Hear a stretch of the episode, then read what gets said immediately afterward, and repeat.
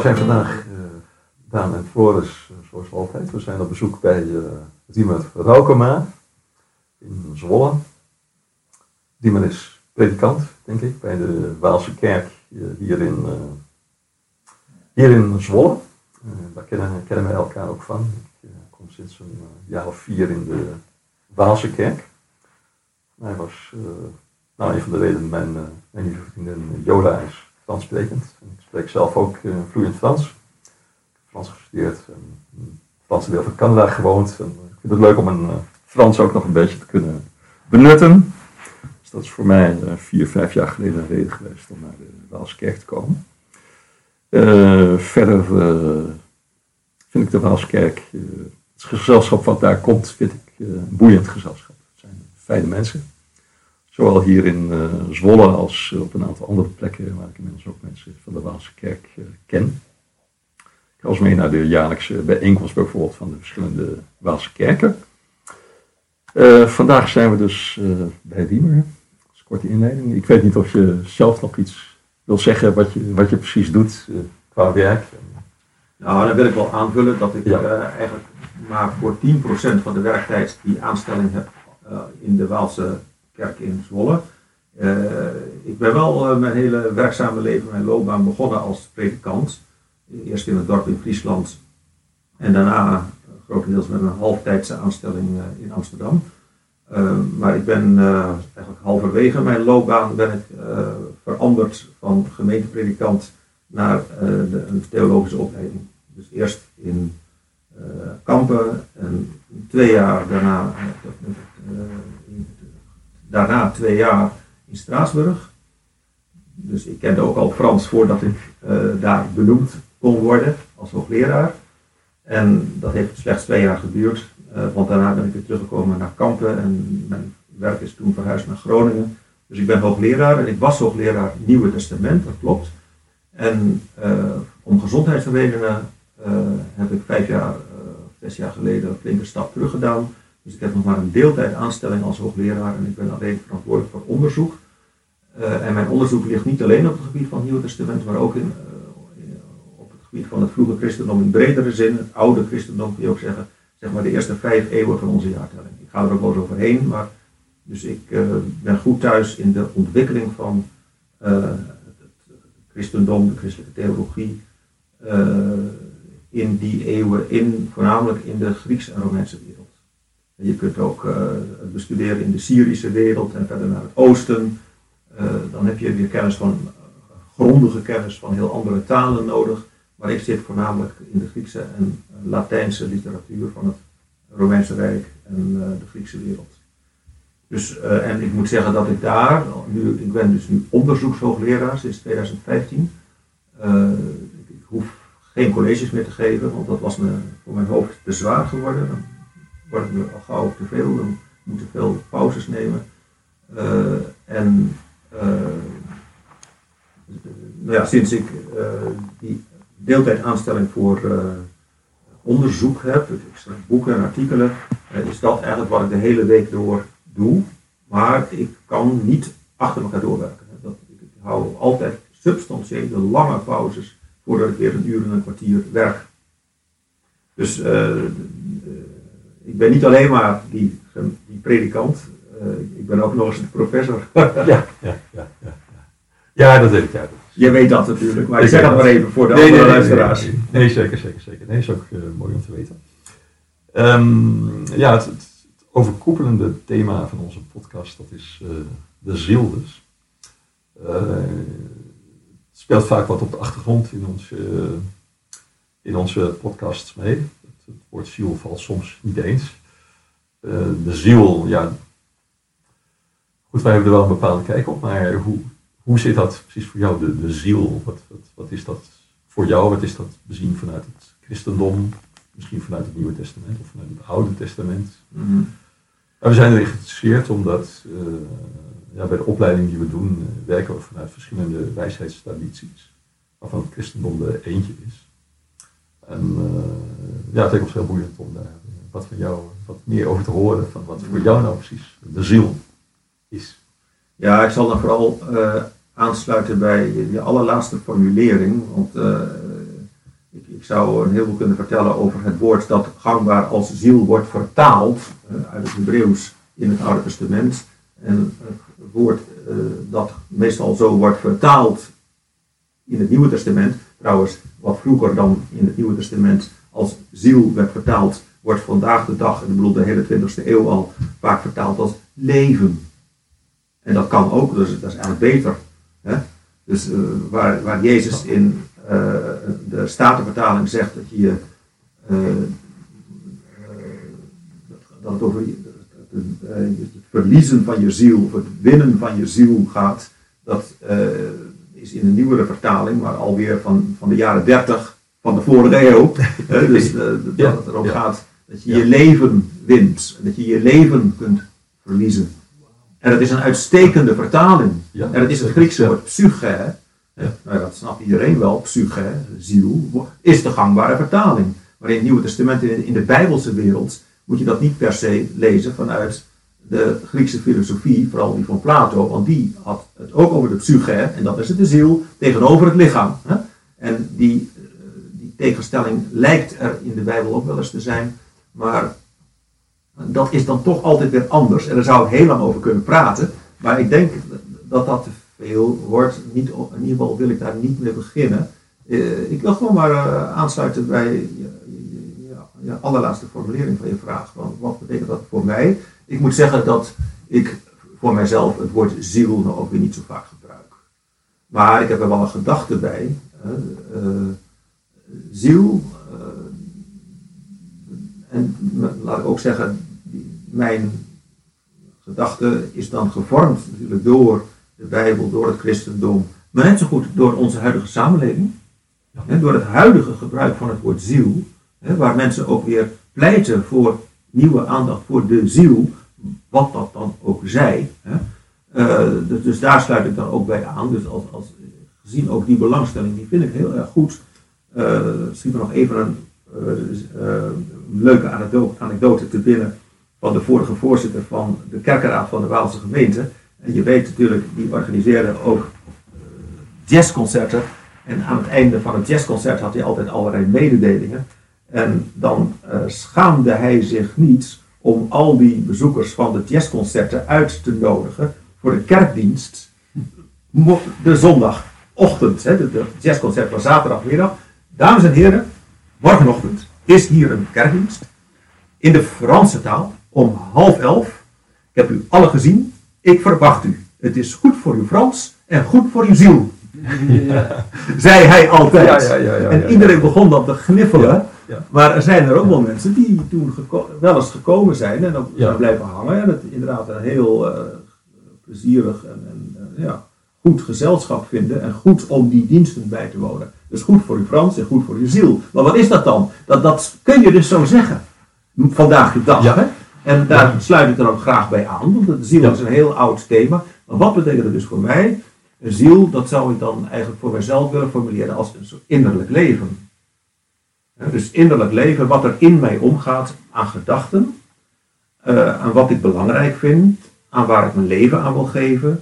Eh, eh, ja, dat ik niet maar een, een leeg persoon ben die alleen maar geïnteresseerd is in geld verdienen bijvoorbeeld. Of nou ja, wat je ook maar je kunt voorstellen waar je alleen maar in geïnteresseerd bent, terwijl je aan je ziel voorbij loopt. Hè? Ik heb, eh, als predikant ook heb ik eh, allerlei mensen wel leren kennen. Dat je denkt, man, moet je nou zoveel seksuele relaties erop nahouden? Serieel misschien, maar ook wel door elkaar heen, volkomen promiscu. Wat, ja, ik ben heel voorzichtig om daar wat van te zeggen, want ja, nou ja, dan eh, heb je het vaak alweer verbruikt. Maar dan heb ik wel die gedachte, waar is jouw ziel? Hè? Zo zou ik het kunnen formuleren. Wat, wat, wat doe je nou? Je bent wel heel erg lijfelijk bezig en je loopt altijd Nou, het is maar... een, eh, dat is een mooi, mooi punt ook. We hebben net een blok gehad over seksualiteit bijvoorbeeld. Ja, ja. En eh, ja, toch eigenlijk ook wel seksualiteit en je ziel. En Ja, wat is dat nu, een oprechte relatie tussen twee mensen? ja, ja, ja, ja. Nou ja, goed. de- de- dus wat, wat ziel voor mij dan eh, zou zijn, dat is ja, wat ik in het leven belangrijk vind. Dat er eh, dus ook eh, veel meer is dan dat je eh, goed salaris verdient en een redelijk mooi huis woont. Het, zou nog veel mooier kunnen, maar ik vind dit uitstekend.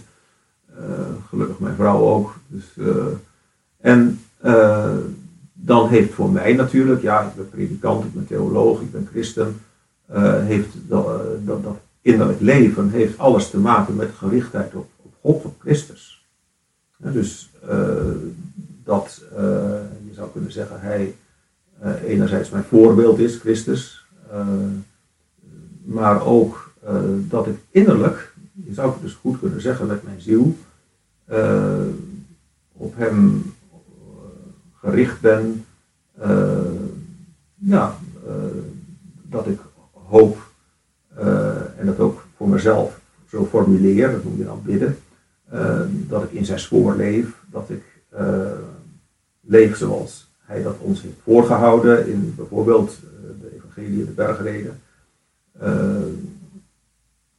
dus eh, die, die, ja, welke is dat eigenlijk? Die bergreden? Welke... Dat is Matthäus hoofdstuk 5 tot en met 7. Dat is eh, nou ja, een, heel bekend stuk waarin Jezus eerst een heleboel eh, mensen eh, gelukkig prijst die in het gewone leven nog bepaald niet zo gelukkig gevonden werden. Eh, de eenvoudigen, de treurenden, de armen enzovoorts. Eh, en daarna geeft hij een, een soort kritische beschouwing van de Joodse wet, de wet van Mozes. Niet dat hij daar tegen is, helemaal niet. Maar hij gaat daar nog even overheen. Dus eh, dat je zelfs je vijanden moet liefhebben. En dat je als je vast, dat je dat niet moet doen om het de anderen te laten zien. Maar dat je dat voor jezelf, voor God moet doen. En dat als je bidt, dat je dat niet eh, op de hoeken van de straten moet doen om te laten zien hoe vroom je bent. Maar dat, het, dat je in je in je binnenkamer moet terugtrekken en, enzovoort. Dus, en dat je ook geen eh, schatten op aarde moet vergaren, want die kunnen verroesten en die kunnen door de motten worden opgegeten. Maar dat je een schat in de hemel hè, moet opbouwen, dat je je geen zorgen moet maken om, wat je, om je kleren en om je rijkdom, want de vogels eh, en de bloemen die zorgen er ook niet voor en die zien er ook goed uit. Nou, dat is allemaal de bergreden. En, en, en, en, heel belangrijk is vertrouwen op God. Hij zal voor je zorgen. En eh, kijk niet te ver vooruit. Ja, je mag natuurlijk, eh, dat geldt dan voor je eigen leven. Je mag, politici moeten wel voor, ver vooruit kijken, over kli- klimaat en wat niet al. Maar aan die mensen persoonlijk zei hij toen, eh, maak je geen zorgen voor de dag van morgen. De dag van morgen heeft genoeg aan zijn eigen kwaad. Dus, eh, nou ja, en dan leef je dus met de dag op een goede manier, op een verantwoorde manier voor jezelf. Hè. Eh, en leef je in vertrouwen, leef je ja, in, in, in balans. Dat, dat kan allemaal dat gevolg zijn, dat is de bedoeling ervan. En dat heeft voor mij te maken met die, met die ziel, met die innerlijke gesteldheid. Met wat ik belangrijk vind om voor te leven, om in welke geest ik wil leven. Dus eh, als ik aan de ziel denk, dat hele woord ziel komt bijvoorbeeld in de bergreden niet eens voor, maar dat, dat, daar zit een soort geest in, eh, de, geest van de bergreden, zo kun je het ook zeggen, dat is de geest van de bergreden. Dat staat er misschien niet letterlijk, maar dat komt er wel uit voort. Eh, nou ja, dan, en, en er staat veel meer in het Nieuwe Testament, staat veel meer in de Bijbel. Er zijn prachtige gebeden in de Bijbel, de psalmen. Eh, nou ja, dat, dat is dan de traditie eh, waar het uit voortkomt, wat ook. En waar ik hele overtuigende en hele mooie voorbeelden van mijn familie heb gezien. Eh, dan denk ik in het bijzonder van mijn- aan mijn twee grootvaders en mijn moeder. die daar heel overtuigd en overtuigend en geloofwaardig mee leefden. En ja, dat zo wil ik eigenlijk zelf ook proberen te leven vanuit die ja, overtuiging, van die, gerichtheid van mijn ziel, van mijn innerlijk. En eh, dat hoeft niet altijd woorden te krijgen, eh, dus daar hoef ik niet per se over te beginnen. Hè, bijvoorbeeld op zaterdag in, eh, voor coronatijd eh, ging ik eh, in de herfst en de win- winter altijd op zaterdagochtend eh, met eh, vrijwillig landschapsonderhoud mee eh beeld te knotten. Nou, daar kom je iedereen tegen. Dat vind ik ook heel eh, leuk. eh, dat ik, dat ik. Heel andere mensen Ja, fantastisch is dat. dan in het dagelijks leven of aan de universiteit. Ja. Maar, eh, nou, nou, nou, nou, maar ja, kijk, ik doe het al jaren. Ik ben al minstens 15 jaar. Wel langer, 16, 17 misschien wel. En eh, na verloop van tijd dan komt het wel eens ter sprake. En dan, dan, nou ja, dan, dan heb ik het natuurlijk niet over mijn innerlijke gesteldheid, maar het komt ter sprake. Het- ze weten op de duur, oh ja, dat, dat, dat is die predikant. Ben jij niet predikant of zo? Hè? Eh, dat hebben ze al eens een keer gehoord. Ze kunnen het zich bijna niet voorstellen, maar ja, dat is ook zo. Dat is zo. En dan merk ik dat ook daar gesprekken ontstaan. En eh, ik hoef nergens over te beginnen. Gesprekken over Nou ja, ik bedoel, ja, ik bedoel gesprekken, gesprekken over wat mij innerlijk bezig wat jou innerlijk bezig dat, dat bedoel ik dan. Hè? Dus eh, natuurlijk, je hebt altijd gesprekken. Ja. Maar dat, dat kan ook gaan voor- over het werk, dingen van een ander. En dat is belangrijk genoeg. Maar, nou ja, goed. Dus ik wil maar zeggen, wat er in mijn ziel leeft, dat, dat hoef ik niet uit te venten. Eh, Dat, dat doe ik ook hier in de buurt eh, niet. Maar ze weten natuurlijk allemaal dat ik predikant ben. Ja. En eh, zo, nou ja, ik zal niet zeggen zo benaderen ze mij, ze, ze, ze praten er amper over, maar soms wel hebben we het er toch over. En nou ja, dat is, ik, en hoop ik ook Ja. dat ik een, bekend sta als een, een goede, fidele buurman. En dan hoop ik ook wel, zo is het ook wel weer, dat, dat ze dat ergens ook in verband brengen met eh, mijn innerlijke overtuiging. Hoewel ook al die anderen die helemaal niks met het christelijk geloof hebben, want dat zijn de meesten, eh, dat kunnen ook hele goede en fidele buren zijn.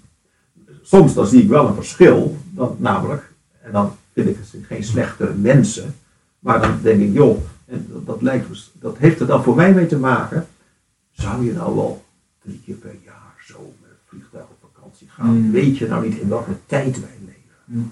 Nou, We zijn heel blij dat we- er geweest zijn in Sri Lanka. Nou ja, ik, ik, ik zal er niks van zeggen. Maar eh, dan, dan, dan denk ik, ja, voor mij heeft dat eh, die bergreden en, en eh, het- het- het- dat, dat pleit eigenlijk, daarin pleit Jezus voor een eenvoudig leven. Een sober leven, bescheiden leven, maar, maar wel overtuigd, wel krachtig op een bepaalde manier. overtuigd. O- Overtuigd dat het van, eh, van dat dat ook goed is. Hè? Eh, Ja. dat, dat, er zit een overtuiging achter. een goed leven is. Ja, dat, dat dat zo een goed leven is. Nou, en, en anderen, dat zijn ook hele vriendelijke mensen. Er is burenhulp. Maar, maar nou ja, tot met, deze afgelopen pandemie is dat natuurlijk allemaal stil komen liggen. Maar dan denk ik, joh, moet dat nou? Hè? Zoveel vliegen, dat moeten we, daar moeten we een keer mee ophouden. Dat zeg ik niet. Eh, maar dat is dus, dan zie je dus, ze zitten er toch anders in dan ik. Hè, nou heb ik het niet over andere gelovigen, want er zijn ook gelovigen die niet na- nadenken en die ook eh, verre vliegreizen maken. Veel te veel, zou ik zeggen. Maar, eh, dus, maar als het om mij gaat, dan heeft het daar ik, toch te maken. Ja, dat is wel heel, herkenbaar. Een van de eerste dingen, het begin van die coronapandemie was dat ik niet meer 60 vliegtuigstrepen elke ochtend in de blauwe lucht van Deventer zie. hè. Ja, ja. Dat die ineens verdwenen waren. Ja, Het was voor mij echt of er een last van me afviel. Alleen al die blauwe lucht ineens te zien. ja. En heel veel rust te hebben. Ja, niet en- iedereen kriskras naar winkels te zien rennen overal. En het is nachts zo heel stil. Het is s'nachts heel Oh. stil, ook dat is fijn. Ja, ja, ja, ja. Maar goed, dat, eh, dat heeft dus met het allemaal te maken. Mijn ziel, mijn innerlijke gesteldheid, mijn innerlijke gerichtheid. En dat, dat herleid ik, dat, daar, vind ik mijn inspiratie voor. Ja, in, in, eh, die gerichtheid op, op, Jezus Christus. Ja, Mag ik, eh, mag ik een vraag stellen? Ehm, eh, ik, ik ben eigenlijk heel benieuwd, ook voor de luisteraars, maar eerlijk gezegd moet ik zeggen dat ik het zelf ook niet weet. Als ik denk aan Wallonië, België, dan denk ik dat is onder de rivieren van Nederland, dus dat zal wel katholiek zijn. Is dat, is dat correct? Ja, maar Waalse kerk heeft een andere oorsprong. Wel, de, de naam komt uit Wallonië, dat is Ja. zeker zo. De Waalse mensen daar. eh, maar de- kijk, in de 16e eeuw Ja. eh, eh, is er tegen, of nou tegen, ja, is, is er een sterke drang geweest om de katholieke kerk te vernieuwen, te hervormen. En die vernieuwers of hervormers, die zijn eruit geknikkerd. En dat zijn de protestanten geworden. Ja.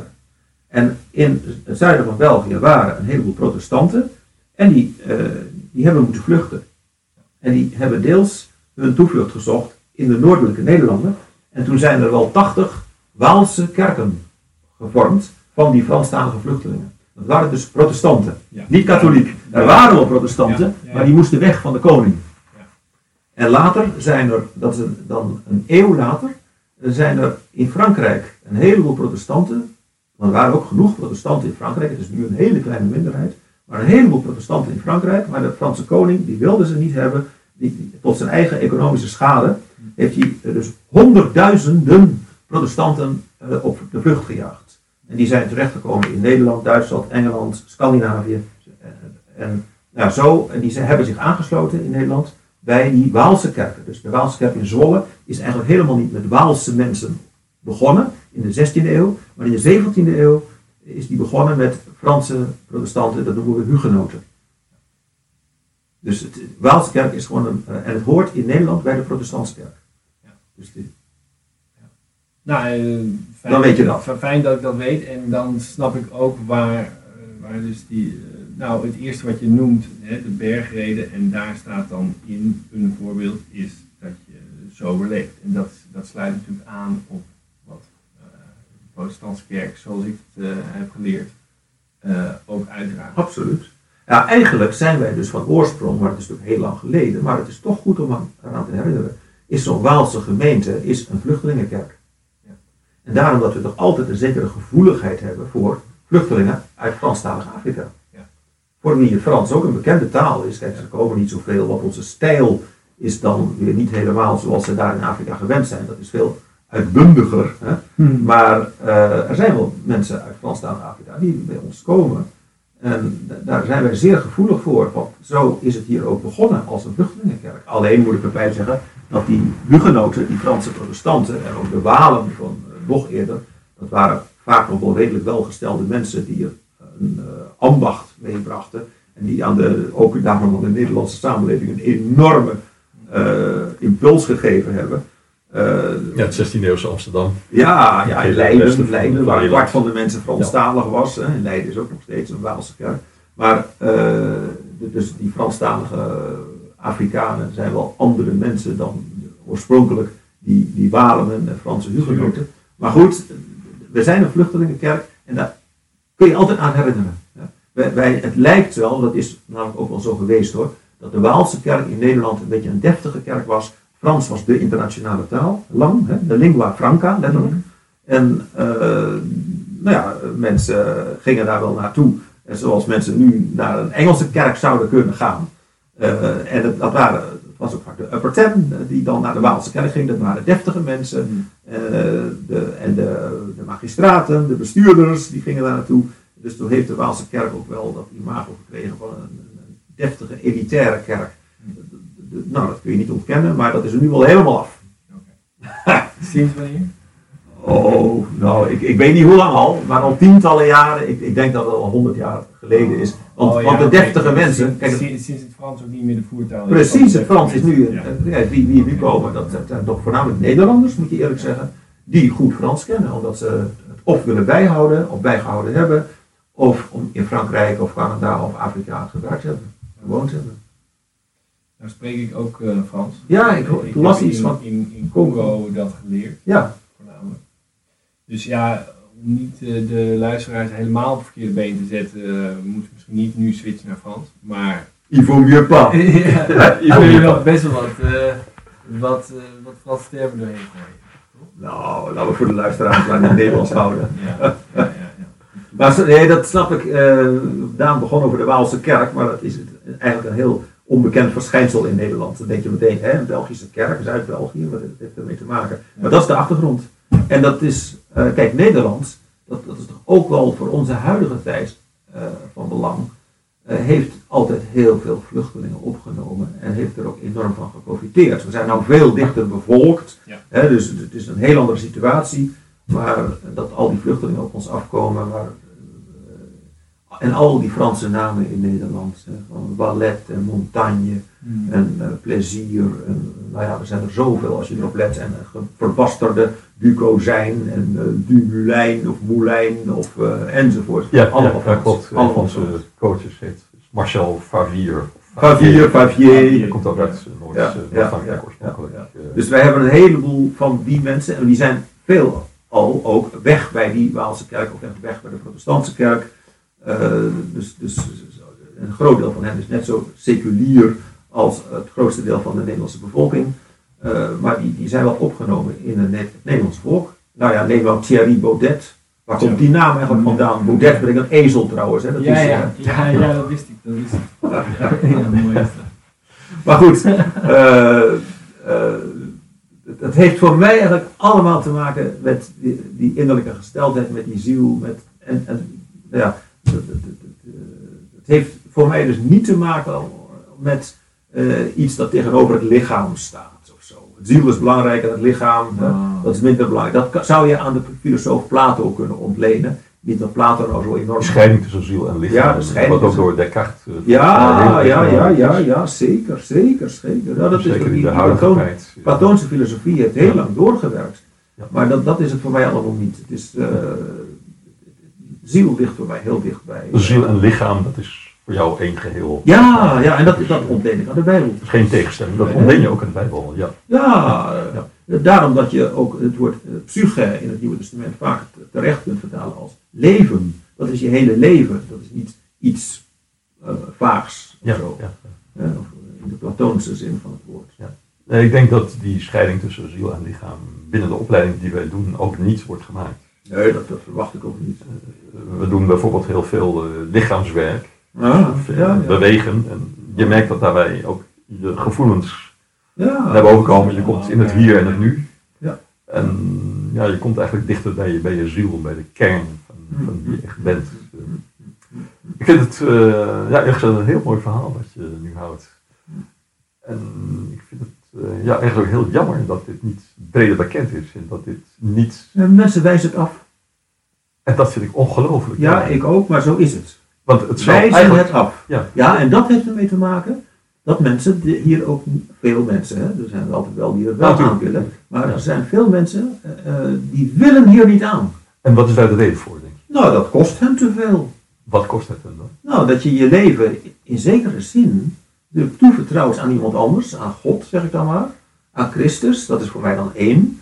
En dat je je leven in zekere zin Ja. uit handen geeft, toevertrouwt. Dat je niet eh, zelf, strikt genomen, hè, als het erop aankomt, niet zelf de regie over je leven houdt. Eh, Ja. Dat je je, ja, eh, nou ja, een religieuze term is dat je je overgeeft. Ja, dan geef je je dan echt aan een ander over. Ja, zeggen dat ja, God ja, je blijft toch bij jezelf omdat die ander niet zichtbaar is. Ja, maar daar, maar het is toch in je beleving, eh, laat je je leven over, laat je je, met een, ook weer een religieuze term, leiden. Eh, daar, daar is de Heilige Geest, het woord Pinksteren, voor. eh, en natuurlijk, je kunt dan zeggen, ja, maar het zit allemaal in jou. Dat zullen veel seculiere mensen ook zeggen. Nou ja, oké, laat ze dat zeggen, maar zo ervaar ik dat dus niet. Kijk, als ik, als ik dat zou beamen, dat het uiteindelijk allemaal in mij zou zitten, eh, dan eh, zou ik er ook mee ophouden eigenlijk. Dan, dan zou ik het zo niet geloven, dan, dan zou ik mezelf voor de gek houden. Dus, eh eh kijk, hoe heet die auteur ook alweer? Er staat hier een boekje van hem.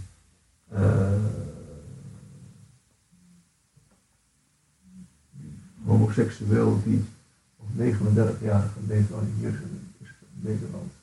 Eh, Frans Kellendonk. Frans Kellendonk. Een katholiek van afkomst, die is aan 39-jarige leeftijd aan AIDS overleden. Homoseksueel. En toen was eh, er nog niks te doen aan AIDS. Maar die zei eh, voor zichzelf hè, dat hij werd dan ook op een bepaalde manier gelovig. Maar het is oprecht fijnzen. Ja, oprecht fijn zijn. Ja. ja, dat is natuurlijk heel tegenstrijdig. En ik begrijp daar wel iets van.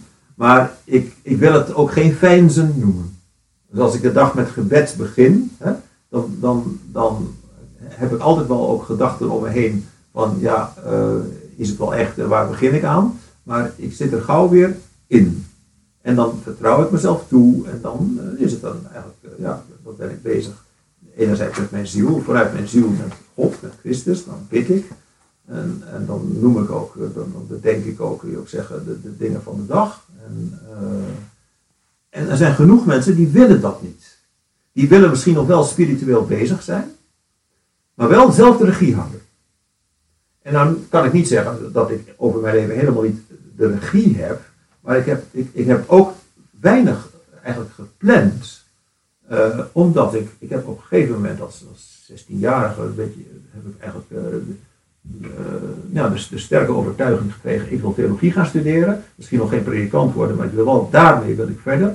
En toen ben ik predikant geworden. Dat, en, en, eh, en dat ik nu alweer eh, bijna eh 30 jaar deels, eerst in deeltijd aan de universiteit werk, eh, dat heb ik ook niet gepland. Het is eigenlijk allemaal op me afgekomen. gekomen. Het is wel zo, omdat ik een goede student was, heeft mijn hoogleraar, wie ik studentassistent was, in het Nieuw Testament, die heeft tegen mij eh, gezegd, joh, je moet wel een proefschrift gaan schrijven. Je moet zorgen dat je voor je dertigste je proefschrift af hebt. Want hij zag wel in mij dat ik dat kon. Nou, ik was 31 uiteindelijk, maar ik ben dan ook predikant geworden, dus ik heb geen fulltime aanstelling als promovendus gehad. Dus ik was in zes jaar, Ja. naast het predikantschap was ik daarmee klaar. Dus dat is natuurlijk wel een voorbereiding, maar ik was ook ertoe gestimuleerd en dat had mijn belangstelling. Dus eh, ja, je kunt je leven ook moeilijk plannen natuurlijk. Er kunnen allerlei rampen zich voordoen. Dus het is, dus sowieso is het een, eh, een illusie om te denken dat je je leven kunt plannen, je, regie over je eigen leven kunt houden. Maar eh, nou ja, er zijn bijvoorbeeld mensen, ik, ik ken zo iemand en die zegt dan tegen haar dochter, eh, nou Peggy, alles onder controle? Nee, je mag niet nee zeggen. Ja, dan denk ik, oh, wat, wat is dat een houding, Ja, dat je dat denkt, alles onder, onder controle. Nou, ik heb de dingen niet onder controle. Ja, ik, ik ben zelf vrij ingehouden en gebalanceerd, maar dat is nou nooit een uitdrukking die ik zou gebruiken. Of zelf, ik heb een, in mijn omgeving een vrouw die is psychiatrisch patiënt. En dan heb ik het ook wel over deze dingen. Over geloof, daar is ze mee opgegroeid. En dan probeer ik haar ook toe te brengen van, eh, op, die dingen, hè, op je aan God toevertrouwen. Eh, ja, maar ik wil wel zelf de regie houden. Zegt ze, nou, ze houdt helemaal niet de regie, want, want ze- is al wel 30 jaar is psychiatrisch patiënt. Ongelooflijk. Ik wil wel zelf de regie houden, zegt Ja. ze dan spontaan. Hè? Terwijl ze ermee opgegroeid is, dat je gelooft in God. En, dat, en ze weet het allemaal wel. Maar daar, Ja. daar, zet, daar verzet ze zich innerlijk tegen. Dus al die mensen die daar ook van afkomen, dat heeft deels te maken met de kerk. Die het hele verhaal op een heel vaak ongeloofwaardige manier, of een saaie manier, zo, of op veel te simplistische manier gepresenteerd heeft. Dat is een kant ervan. Maar dan zijn er genoeg kerken waar het wel authentiek goed gebracht is. Ook in allerlei kerken trouwens. Je kunt ook een buurkerk iemand anders vragen. Maar dan nog zullen er een heleboel mensen zijn, ja dat wil ik niet. Ik geloof het gewoon niet. Ik ben atheïst of ik op zijn best ben ik agnost. Maar, eh, want eh, het lijkt nu allemaal goed. Vind voor mooi dat je het zegt. Mooi wat ik allemaal zeg voor mezelf. Maar er zijn genoeg mensen die willen het niet. Die willen die dat evenwicht in verhouding tot die grote ander eh, niet toelaten. Ja, ja, nou ja, het is vreselijk jammer, ja. Ik, ik zeg vaak, want ik, ik, eh, nou ja, ik preek ook wel eens natuurlijk, ik preek soms in de katholieke kerk, zelf een protestant, maar ik zing in een Gregoriaans koor. En van de pastoor mag ik dan, als wij een Gregoriaanse vesper, een avondgebed organiseren met onze eh, schola, ons, ons Gregoriaanse koor, mag ik van de pastoor ook een preekje houden. En dan, nou ja, dan, zeg ik die dingen ook wel. Dan heb ik een heel breed publiek dat ook cultureel geïnteresseerd is in het Gregoriaans. En er komen heel veel, het is ongelooflijk hoeveel mensen er dan komen, in kamp is dat. Eh, eh, dus van allerlei richtingen. En zeg ik, hoe is dat ook mogelijk? Het ligt allemaal klaar. hè. Hoe je kunt leven in evenwicht en eh, met een doel in je leven. Veel mensen weten niet wat het doel in hun leven is enzovoort. Het ligt allemaal klaar. Ja, ze willen het niet. Dus, ja, dus ook, ook eh, ja, wat, ik heb zo te doen met jongeren die hier niet mee getrouwd geraakt zijn en die niet weten waarvoor ze leven. Ja, die eigenlijk leven om Ja, geld te verdienen. Ja, om op het terrasje te zitten. En, en, en, en ja, ze, willen een studie doen, maar dat- Ja. ja, ze hebben het verstand, dus dat doen ze dan maar. Nou ja, ik wil de goede niet ernaast spreken hoor, want, want eh, er zijn er genoeg die best heel goed sociaal bezig zijn. Gelukkig, gelukkig. gelukkig. Ja, die zijn er zeker. Maar wat, wat ik tenminste Ja. in de krant hoor en al, hè, hoor en lees, dat, eh, dat ik- ja, de- de- ik constateer dat heel veel mensen willen het niet. Maar ze hebben misschien ook nooit de kans gehad om het goed te zien, wat het bezig, wat het kan inhouden. Dat er te weinig mensen zijn die dat laten zien. Ja, het, is, het heeft iets te maken met bewustzijn, denk ik. Van Hoe bedoel je? Dat het toch meer is dan ja, alleen maar economie, dan ja, alleen maar recht, dan alleen maar ja, techniek, ja, ja. ehm, dan alleen maar economie. Ja, maar je kunt aan een mens, aan anderen kun je zien van hé, hey, zo kan het ook. En die zijn er natuurlijk ook minder en minder. Mensen die in eenvoud leven en Ja, op die, in, op die wat zou ik zeggen, het goede gelovig leven. Ja. Maar dat gelovig leven. ehm, nou, ik heb het idee dat het toch iets te maken heeft met op een goede manier leven. Ja, natuurlijk. Het goede, het goede nastreven. En Ja. wat zou dan het goede zijn? Voor mij is dat toch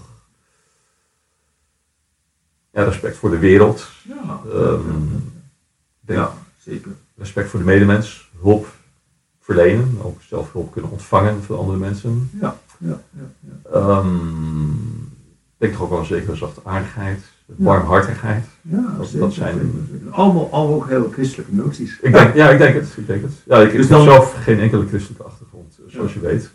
Tegelijkertijd is het wel zo dat mijn kinderdroom was niet om brandweerman te worden, maar pastoor of dominee.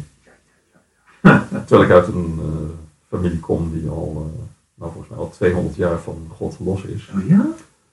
Dus ik heb dat als kind. Maar, maar ja, zoals ik zelf een pastoor of een dominee of een predikant zag, eh, ik wist eigenlijk natuurlijk niet wat dat officieel was. Of zo. Ik denk dat ik toen een jaar of acht, negen was of zo. Ik denk dat ik nog nooit een pastoor of een priester of een predikant had gezien. Voor mij was dat een, eh, een wijze man bij wie je te raam kon gaan, die je weer op het spoor kon zetten. En, Ja. ja, iemand met wijsheid, iemand die naar je luistert, Ja. die Ja. aanspreekbaar is. Zeker, zeker. zeker. En, Ja, ja dat is ook, dat is, inderdaad, dat hoort ook allemaal bij mijn werk. Ik denk dat dat eh, heel erg bij jouw werk hoort. Ja, ja, ja. Niet oordelen. En niet oordelen inderdaad, maar luisteren. Ja. En, Ja.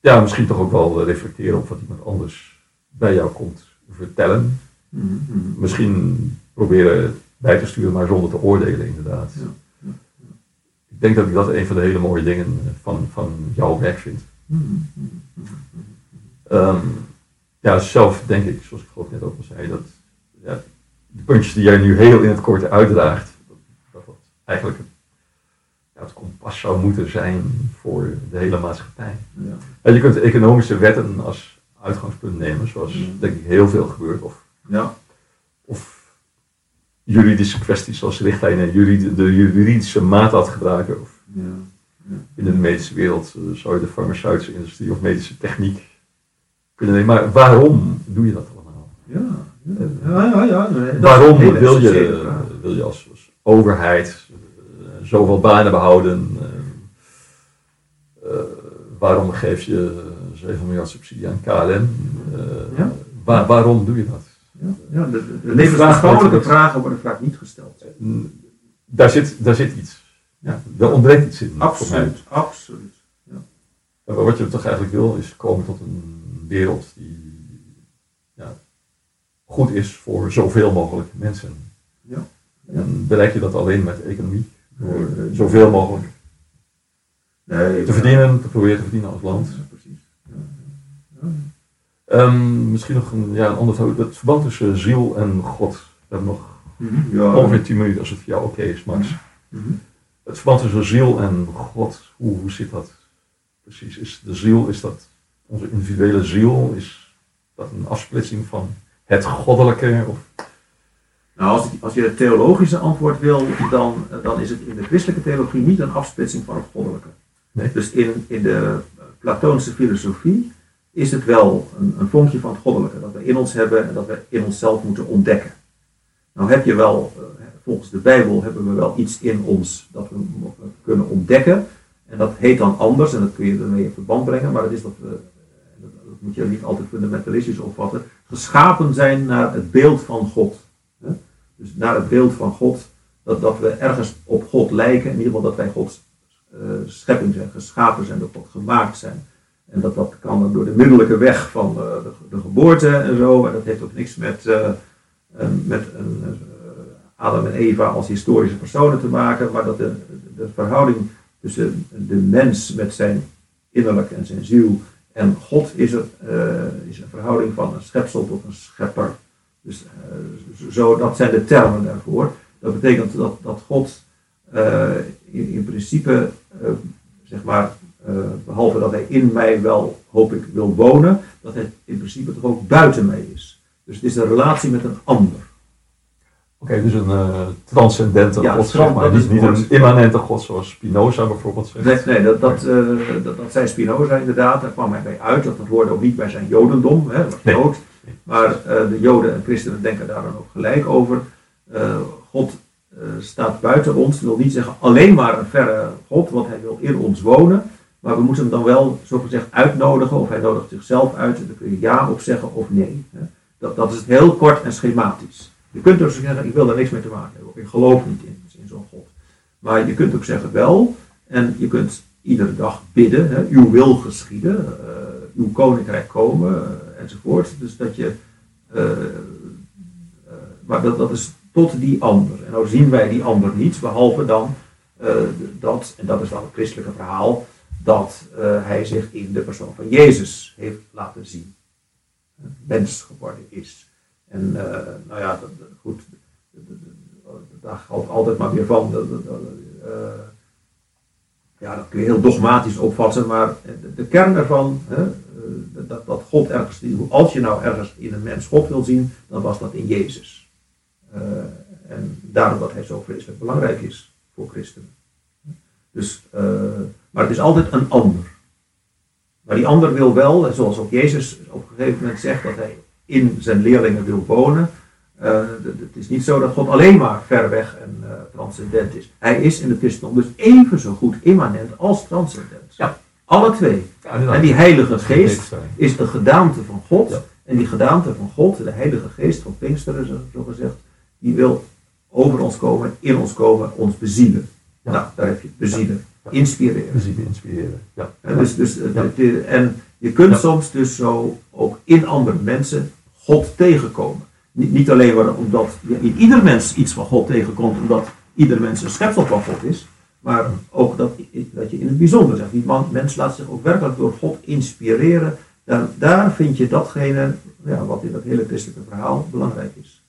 En dan heb ik het niet Ja. per se alleen over mensen die heel bewust gelovig zijn. hè, dat, dat, dat, dat, gaat daar buitenom nog. Maar de, de, dit is dus eigenlijk nogal, wat je vroeg, een hele fundamentele vraag. God is geen afsplitsel, dus mijn ziel is geen afsplitsel van God. Nee. Eh, dat, dat is de christelijke overtuiging en dat, dat, zo Ja. beleef ik dat wel. ja, duidelijk. duidelijk. Je, je hebt twee vormen van mystiek. Eenheidsmystiek. Dan, dan moet je eigenlijk ontdekken dat je zelf God bent. Of althans iets van God bent. Hè? Bent. Niet al in je hebt, maar bent. Eh, of eh, die mystiek nou, die meer op een huwelijk lijkt. Of op een, op een vriendschap. Hè? Met een ander. Ja, ik zou op zich over het woord mystiek ook nog wel een heleboel dingen willen vragen en willen weten. Maar we Maar hebben dit is maar... eigenlijk al heel veel mystiek wat ik gezegd heb. Ja, ik denk het wel, ja. Nou, ik had er nog wat explicieter misschien op willen ingaan, maar we hebben nog maar een paar minuutjes. Misschien kan ik je vragen nog iets over Pinksteren te zeggen. Dat je Ja. een paar keer laat vallen. Wat, wat is de betekenis van Pinksteren? Ja, Jij wilt misschien iets nou, anders. eh, morgen is het hemelvaart. Morgen is het hemelvaart, kan ook. Dat Ja. is, daar dacht ik dan weer aan. Ja, Maar, ja. maar, eh, die hebben vast iets met elkaar te maken. Ja, Ja, ja, ja, ja, kijk, op hemelvaart, dat is gewoon een kerkelijke traditie hoor, daar moet je niet te veel zeg maar, achterzoeken. Eh hemelvaartsdag is natuurlijk dat Jezus volgens een bepaald verhaal eh, opgestegen is naar de hemel. Maar denk nou niet dat hij een heel aantal lichtjaren ver eh, omhoog gegaan is, dat hij daar in een hemel is aangekomen. Dat, dat is een veel te simplistische voorstelling, hoewel die wel dus, eh, uiteengezet wordt. Maar eh, hij- Jezus is zeg maar overgegaan naar die, die andere werkelijkheid van God, die wij niet lokaliseren. Dus het is niet zo dat die ergens tussen een paar sterren aanwezig is. Dat, dat is heel simpel. Dat zegt ze ook de paus. Hè? Dat, dat is de, de eh, evenwichtige theologische opvatting.